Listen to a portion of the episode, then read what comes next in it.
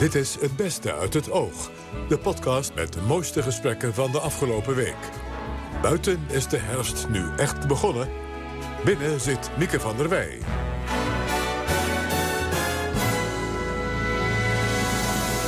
Van harte welkom met deze week Piet Hein Donner. En dan moet men zich realiseren dat daar waar je rechtsverhoudingen afschaft, treden heel snel machtsverhoudingen en het recht van de sterkste daarvoor in de plaats.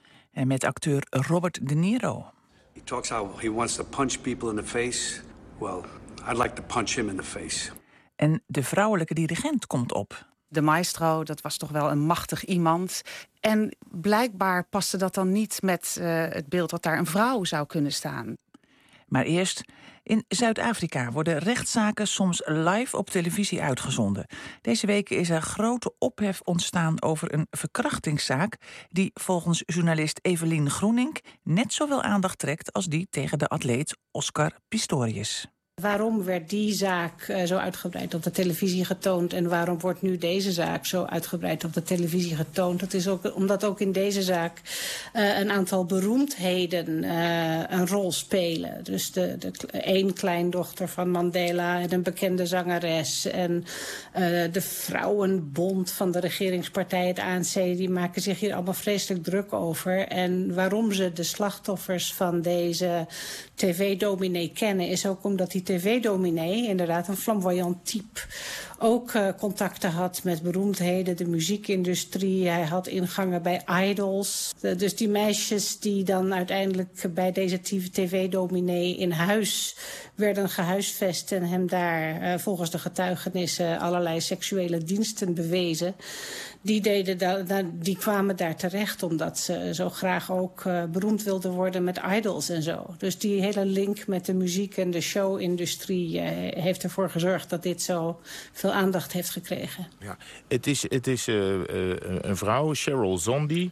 en, en, en zij moet vertellen wat er, wat er gebeurd is. Wat de, de tv-dominee, Omotoso heet die geloof ik, uh, -hmm. haar heeft ja. aangedaan. Hoe is die setting daar in die, in die, in die rechtszaal? Uh, er, zit, er zitten allemaal uh, kennissen en, en, en ook beroemdheden. De, de, de bekende jazzzangeres Simpiwe Dana zit daar. de minister van Vrouwenzaken, Batabile Dlamini, heeft zich ook laten zien.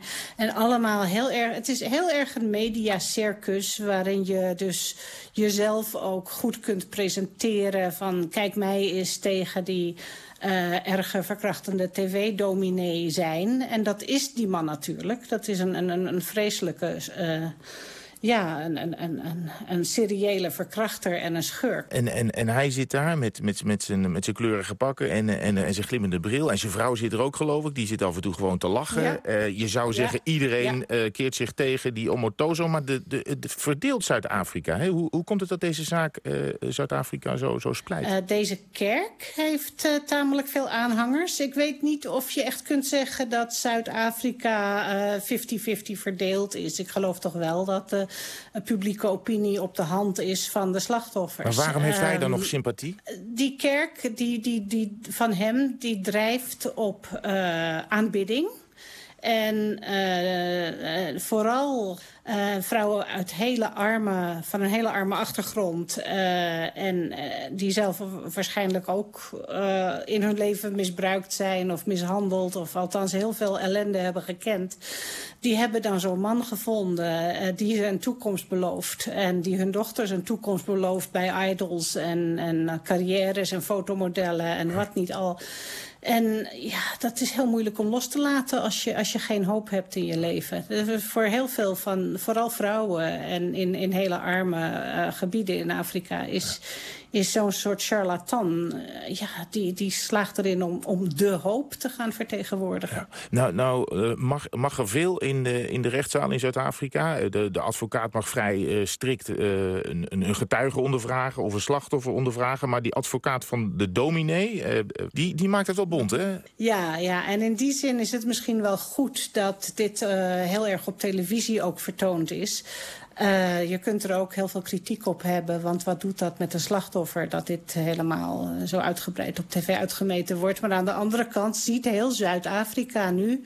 wat voor soort behandeling uh, vrouwen en jonge meisjes krijgen... als ze eenmaal de moed bij elkaar hebben geraapt... om aangifte te doen van verkrachting. Ja, want misschien en, moeten we even luisteren naar, naar ja. een fragmentje. En daar vraagt de advocaat onder andere... hoeveel centimeter hij bij haar naar binnen was gedrongen. How many centimeters? You know?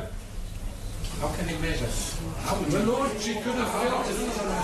How, can he, how, how would he know that? How many centimeters? How would he know that? How would she know that? She could have felt it. And then measure it at the same time. I would not allow that question. Ja, je hoort het rumoer ook in de rechtszaal. En uh, ja, de, rechter de rechter die het voor haar heeft opneemt... ook een einde aan gemaakt, ja. Ja, ja, ja. Daar, daar, daar begrijpen wij helemaal niks van natuurlijk, hier. Nou, het is nog niet zo lang geleden dat dit soort vragen ook wel werd gesteld. En ik, heb ook, ik, ik kan best wel uh, verslagen van rechtszaken herinneren... waarin uh, het ook tamelijk bond werd gemaakt. Misschien niet echt met centimeters, maar... Uh, wel een beetje zo. En het is natuurlijk pas sinds zeer kort, eigenlijk pas sinds tien jaar of zo, denk ik, dat er een bewustzijn begint te ontstaan over de hele wereld... dat, je, dat verkrachtingsslachtoffers uh, niet met zoveel wantrouwen tegemoet moeten worden getreden. Want dat het percentage dat een aanklacht verzint, uh, daar is onderzoek naar gedaan. Dat, is, dat zijn hele... Dat zijn zaken waar je, waar je eigenlijk al vanaf het begin weet van hier is iets heel erg mis. Dit is iemand met ook andere problemen, uh, een beetje rare tendensen. En dat komt echt heel weinig ja. voor. Ja, dan, dan heeft Zuid-Afrika een van de hoogste verkrachtingscijfers ter wereld. Uh, er ja. zijn 100, meer dan 100 aangiftes van verkrachting uh, per dag. Dat zijn alleen nog maar ja. de aangiftes. Heeft u, heeft u een idee dat, dat, dat er ja, hierdoor iets zal veranderen? Wat, wat je zou kunnen hopen, maar misschien is dat wel een beetje te optimistisch gedacht. Maar ja, dat hoop ik dan maar. Is dat de aandacht die voor deze zaken is ook uh, het politieapparaat en de regering en uh, het openbaar ministerie een beetje door elkaar zal gaan schudden. Uh, er wordt traditioneel, of van oudsher wordt er heel weinig aandacht besteed aan uh, vrouwen en meisjes tegen wie geweld wordt gebruikt... omdat de hele Zuid-Afrikaanse samenleving eigenlijk doordecent is van geweld... en vooral geweld tegen vrouwen. Uh, er is natuurlijk een, geschiedenis. Ja, mensen, denken, mensen zeggen, kom nou niet weer met die apartheid aanzetten. Maar... Ja, als je een, een, een deel van de bevolking uh, uitsluit als minder dan beesten... ik zeg het letterlijk zo, want... -hmm ja, de dieren die bedreigd worden, die worden dan nog beschermd. Maar wat er met de zwarte bevolking gebeurt is dus met geen pen te beschrijven. Die vernedering, zoveel trauma. En dat is niet zomaar over. En dat is naar binnen geslagen. Uh, het wordt uitgeleefd. Al die, al die ellende en pijn wordt uitgeleefd op vrouwen en meisjes. Uh, ik zeg het even heel erg uh, gechargeerd. Maar ja, het is in principe wel waar. En in de witte gemeenschap net zo goed hoor. De, bedoel, dat is dan een, een gemeenschap waarin jongetjes werden opgevoed... om heel erg gewelddadig bezig te zijn. Uh, op een hele andere manier, maar... Uh, ja, die moesten op zijn zestiende in diensten met geweren en, en mensen doodschieten. Nog dus... even terug naar deze zaak, mevrouw Groenik. Ja. Hoe, hoe gaat het aflopen, denkt ja. u? Moeilijk, want het is een mediacircus en iedereen doet zijn best... omdat die meisjes ook getraind zijn voor idols en zo. En die tv-dominee is natuurlijk helemaal een glad akker. Ja. Uh, heel moeilijk om, om, om okay. te achterhalen wat er onder alle show en alle uitgebreide drama uiteindelijk overblijft. En wat de politie en het Openbaar Ministerie uh, voor elkaar krijgen. Wat betreft bewijzen en echte goede zaak. Want daar heeft de Zuid-Afrikaanse politie en justitie geen goede reputatie nee. in. Afgelopen zaterdag werd hij 70 jaar. En dat betekent dat hij met pensioen wordt gestuurd. Piet Hein Donner. Hij is nog een kleine week vicevoorzitter van de Raad van State, het belangrijkste adviesorgaan van de regering, maar daarna is het afgelopen. Hij was vijf keer minister in de kabinetten Balkenende en Rutte 1. Lucella vroeg hem of hij het inderdaad zo ervaart dat hij met pensioen gestuurd wordt. Nee, kijk, uiteraard heb je gemengde gevoelens bij uh, het idee.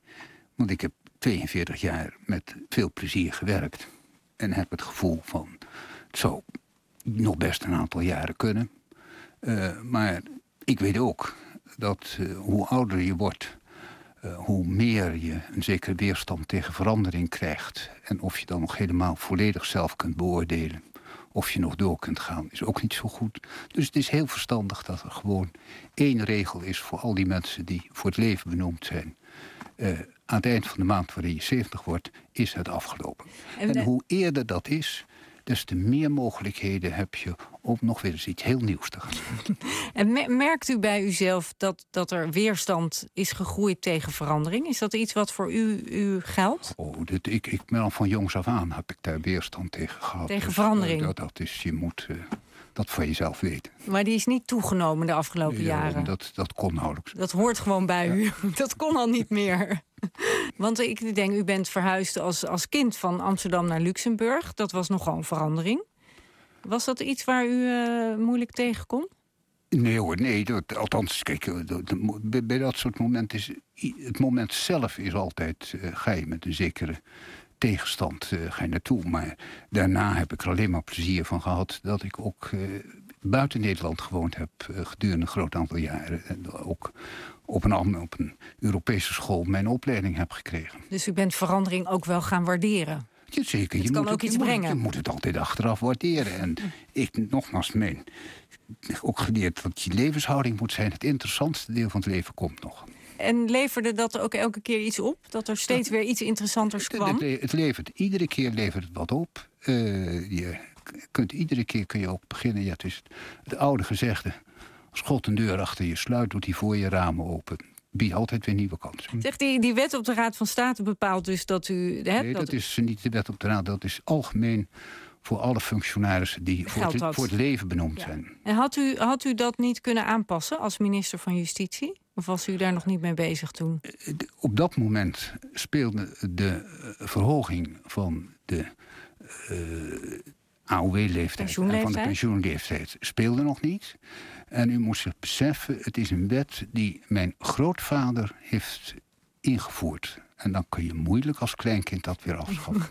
Want um, u komt uit een uh, familie van gerenommeerde juristen en theologen ook. Maar als we kijken naar de juristen, uw vader was hoogleraar en raadsheer bij het Europese Hof in Luxemburg. Grootvader was minister van Justitie. Um, er is vaak gesproken van het geslacht Donner. Voelt u ook zo dat u echt uit een geslacht komt? Is iets anders dan een familie op de een of andere manier? Nee. Uh, ik heb ook altijd het gevoel, en dat is nou juist wat je daarin ziet. Het is gewoon, ja, zoals de kleine luiden, die groep... Uh, hoe die geleidelijk in de samenleving uh, is komen te staan. En daar waren recht en theologie waren ja, eigenlijk de, de eerste studies die je dan uh, begon. En de kinderen gingen dan weer wat anders doen. Maar bij mij, bij mij in de familie is dat een hele tijd doorgegaan. Dat je, we mochten alles kiezen, dat was geen enkel punt. Maar de praktijk kwam er toch vaak op neer. Dat het werden meestal theologie of rechten. En bij u werd dat rechten. Was, het ook, was er ook sprake van een vrije wil? Ja. Ja, ja nee, het was niet gepredestineerd. Maar uh, het was ja, het is net zoals dat je ook generaties hebt die allemaal arts zijn van vader op zoon en vader op dochter. Dat zijn de dingen waar je het dagelijks aan tafel over hebt. Dat begin je interessant te vinden. En daar kies je dan uiteindelijk voor. Bovendien, bij rechten heeft ook nog het voordeel dat uh, het de opleiding is waarna je nog de meeste andere dingen kunt gaan doen. Ja, want u, u, ging niet rechten doen per se met het idee rechter te worden? Nee, nee, beslist niet. Het was meer het idee van dan heb ik nog een heleboel keuzemogelijkheden. Um, u, u, ging toen uh, de politiek in. Uw ouders hebben ook meegegeven dat u zich nuttig moet maken. Als je nou terugkijkt op dat leven in het openbaar bestuur, in de politiek, wat, ja, wat, wat laat u Nederland achter? Beetje een grote vraag misschien, maar. Dat ga ik niet pretenderen dat ik daar zelf over kan oordelen. Dat moeten anderen maar doen. Ik heb steeds gedaan wat ik meende dat op dat moment gedaan moest worden. Uh, met het volle besef dat geen mens op enig moment iets volledig goed zal doen. Dat je er fouten bij maakt. Maar dat je wat dat betreft naar je inzichten van dat moment moet doen wat je verantwoordelijkheid met zich meebrengt, wat je functie en je taak met zich meebrengt.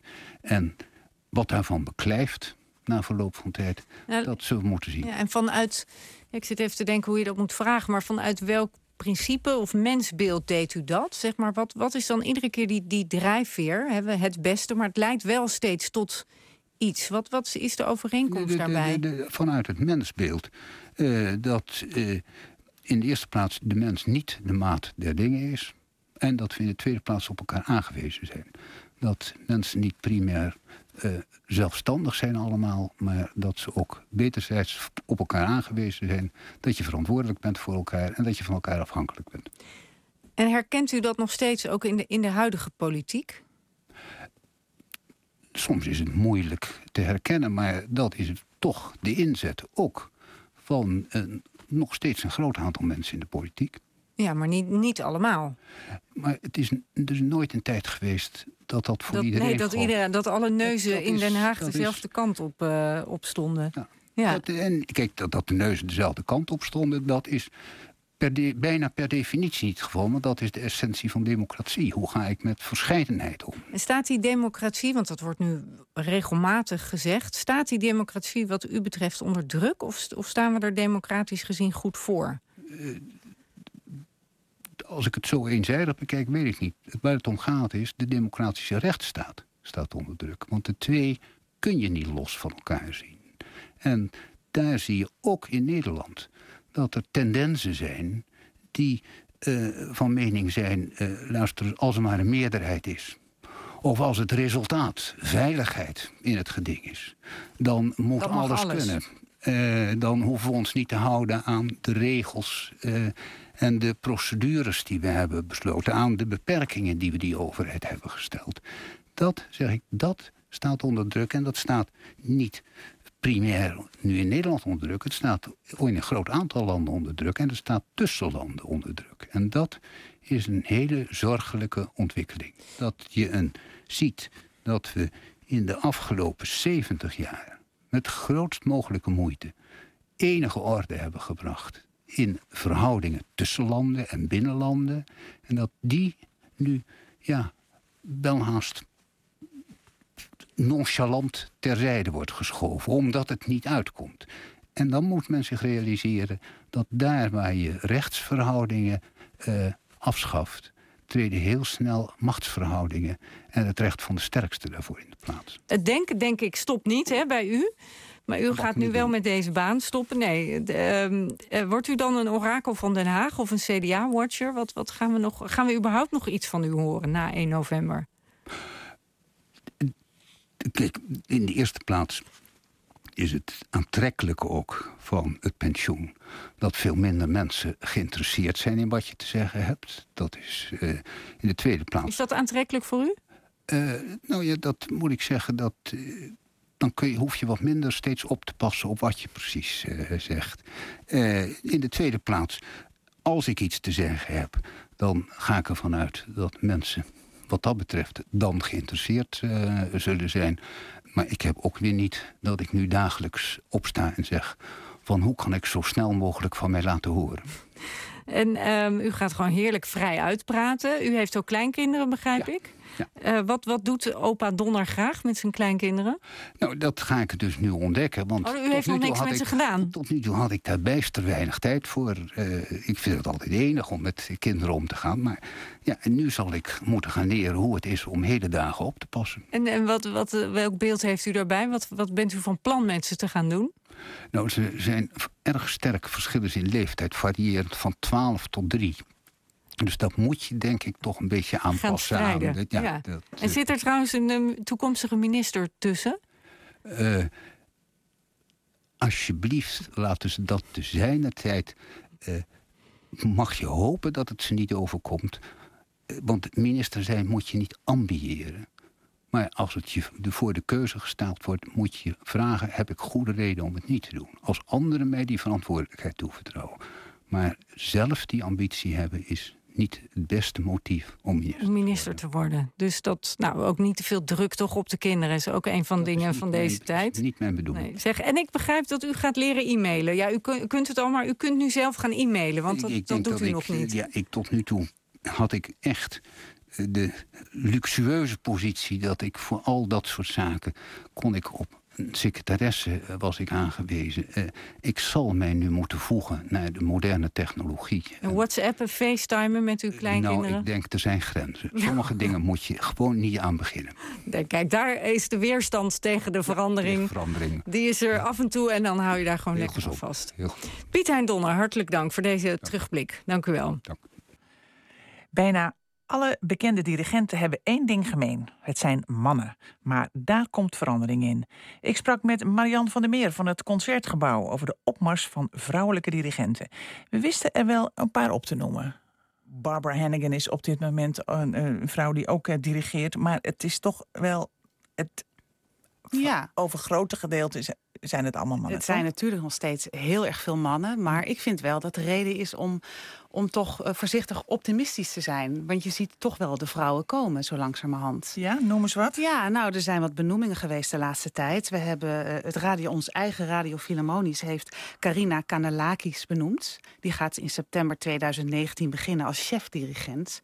Eh, we hebben bij onze zuidenburen Elim Chan, een hele jonge eh, dirigent, oorspronkelijk afkomstig uit Hongkong, die daar ook benoemd is als chef-dirigent. Die gaat ook in, net als Carina Kanalakis in september 2019 beginnen. Eh, we hebben al een tijdje de chef-dirigent in Finland, Susanna Melki. We hebben een chef-dirigent in Engeland bij het orkest uit Birmingham. De City of Birmingham Symphony Orchestra. En dat is Mirga Grazinite Tila. Dus ik vind het toch wel een aardig Nou, lijstje zo We langzamerhand. zitten in een hele derde feministische golf, als ik dit zo hoor. En, Nou ja, het, eh, goed, het- dit is inderdaad een, een, een lijstje wat mij vrolijk stemt. Maar Mhm. heel lang kon je natuurlijk zo'n lijstje niet maken. Nee, dat klopt. Het lijkt dus wel alsof er wel dan af en toe echt een ontzettend vasthoudend type... het wel t- tot op de bok eh, Ja. volhield Ja. om daar te komen. Maar dat dat toch ja, dat die geïsoleerd, geïsoleerd waren. Het heeft dus niet doorgezet. Nee, het heeft niet doorgezet. Nee. Ja, hoe dat komt. eh, Ja, dat wou ik van jou Ja. weten. oh jee. Ja, dat is, ik denk dat het heeft te maken met toch eh, de, de, de maestro-cultuur ook, die er altijd is geweest. Hè. De, de dirigent, de maestro, dat was toch wel een machtig iemand. Die werd op een voetstuk gezet, letterlijk en figuurlijk. En ja, blijkbaar paste dat dan niet met eh, het beeld dat daar een vrouw zou kunnen staan. Dat was gewoon net even een stap te ver. Ja. En ik denk nu dat er heel anders aangekeken wordt, eh, gekeken wordt naar dirigenten. Eh, die die maestro-cultuur is er wel een beetje af. Ik bedoel, een dirigent is gewoon iemand die ervoor moet zorgen... dat er een optimale uitvoering komt, samen met de muzici... Hè, veel dirigenten zeggen ook van eh, eigenlijk moet je juist heel dienstbaar zijn als dirigent. Er is een heel andere mentaliteit gekomen. En ik denk dat daarmee ook de vrouwen nu weer beter in beeld komen. Want die zijn daar ook heel erg goed in namelijk om te communiceren met zijn orkest. En Ja, om samen tot iets heel moois te komen. Zou het vak van dirigent veranderen als er meer eh, vrouwen de, met de baton gaan zwaaien? Ja, vermoedelijk. En, en ook dat er nu meer vrouwen zijn, is daar ook al een weerslag van, denk ik. Dat dat vak aan het veranderen is. Ja, Maar in welk opzicht? Is Zou, eh, dirigeert een vrouw anders dan een man? ja dat is een hele moeilijke vraag. Want met je oog dicht horen of het een man of een vrouw is die dirigeert... Is dat wel eens Ik ga geprobeerd? er niet aan beginnen. Is dat wel eens geprobeerd? Ik denk, ja, ik denk, interessante ik weet het experiment, Het is heel interessant, ja. Maar ik denk dat niemand zich daaraan zou durven wagen. Nee. Want ik denk dat het heel moeilijk hoorbaar is. Maar wel met, met hoe, hoe het symfonieorkest nu zich verder ontwikkelt. Ik denk dat daar, eh, ja, daar zijn wel veranderingen gaande... waar een vrouw eh, ook heel erg goed haar werk, eh, werk bij kan leveren, zeg maar. Wat, wat voor veranderingen bedoel je dan? Nou ja, ik denk dat het veel meer een democratisch orgaan geworden is. En niet meer de dirigent is de baas en die bepaalt wat er gebeurt. Ik denk dat dat niet meer zo is bij de meeste orkesten. Ik denk dat er veel meer gezocht wordt naar een andere manier van muziek maken. En eh, het, gaat, ja, het gaat over communicatie. Het gaat over samen iets heel moois maken. En de sterdirigenten, daar zijn natuurlijk ook steeds minder Ja. van. Ook bij de mannen. Nou, ja, nou is er bij jullie pas een sterdirigent eh, oneervol eh, weggewerkt. Ja. Ja, Mhm. nou goed, Danielle Gatti, dat weten we allemaal. Mhm. Ja, jullie hebben nog geen opvolger.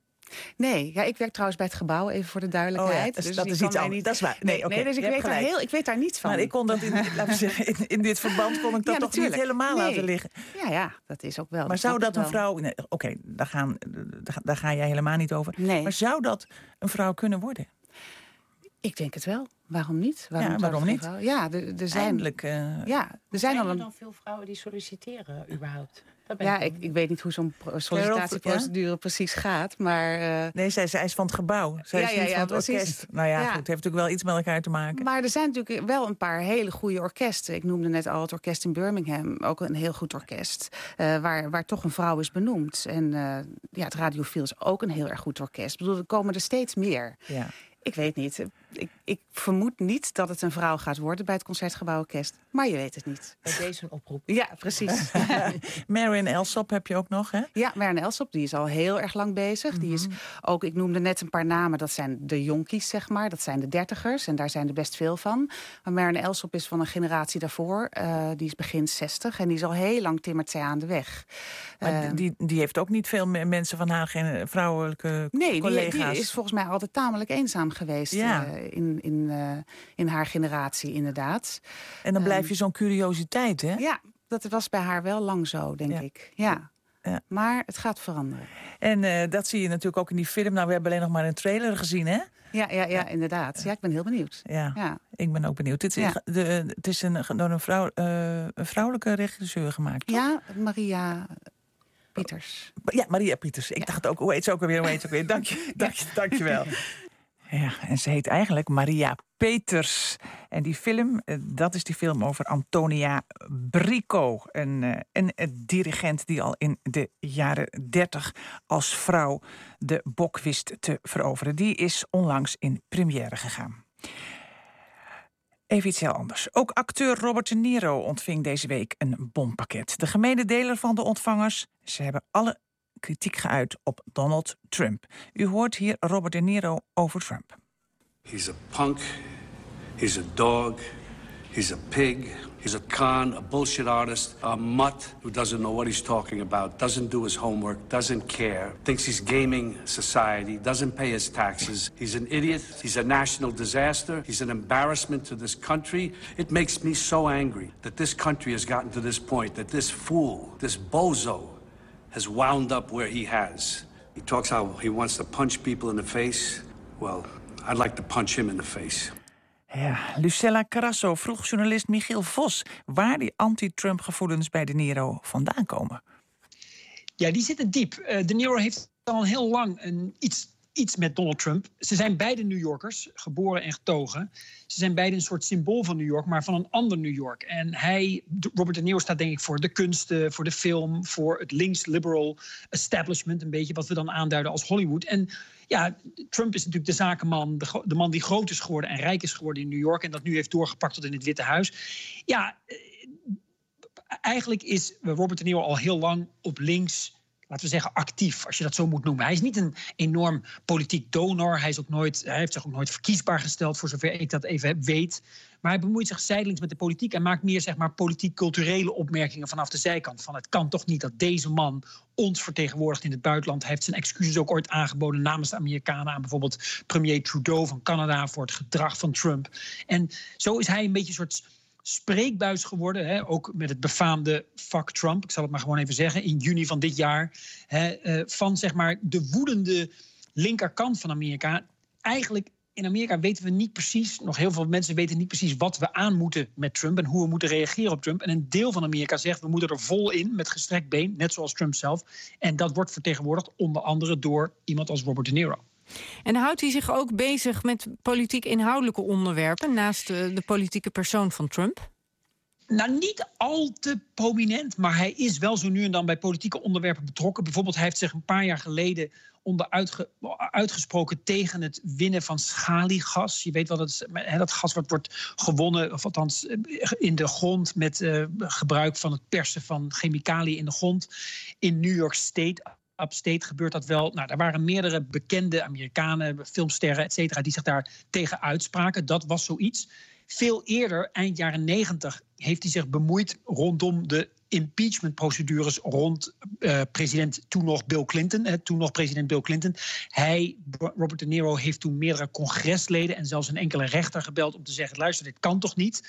Uh, deze man gaat worden impeached door een rechtscongres. Het lijkt wel een soort Zuid-Amerikaanse coup.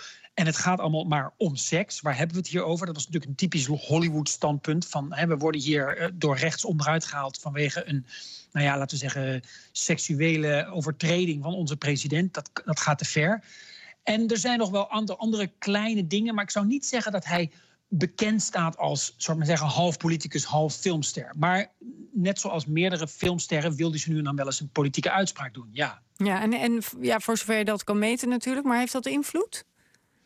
Ja, dat is altijd de grote vraag. Het is altijd een beetje het cliché dat als George Clooney zegt... je moet op die stemmen, dan doet, dan doet een deel van Amerika dat juist niet. Omdat we een hekel hebben aan mensen als George Clooney, Robert De Niro... en andere filmsterren die ons zogenaamd vertellen wat we moeten doen. De links-liberal elite noemen we dat tegenwoordig. We noemen tegenwoordig iedereen een elite in Amerika. Maar goed, dus dat, het, de vraag of dat helpt. Het is ook de vraag of dat hij zo, als hij zo scherp is over Trump... Hè, bijvoorbeeld dat fuck Trump en zo... Dat, of dat niet wat te ver gaat, volgens veel mensen. Dat deed hij tijdens een uh, Tony Awards ceremonie. En het is altijd een beetje de vraag hoe politiek dat soort ceremonies, ook de, de, de Emmys en natuurlijk de Oscars, worden gemaakt door uh, acteurs. Maar aan de andere kant, ja, er zijn ook heel veel mensen gewoon heel boos en zich, schamen zich heel diep voor het gedrag van de president. En dan kun je wel weer zeggen, ja, dan heb je iemand nodig die het gewoon op zijn New Yorks kan zeggen. He's a bozo. I like to punch him in the face. Ja, op zich, dat, dat, dat voedt ook weer een soort behoefte in Amerika. Want heel veel mensen zijn heel boos.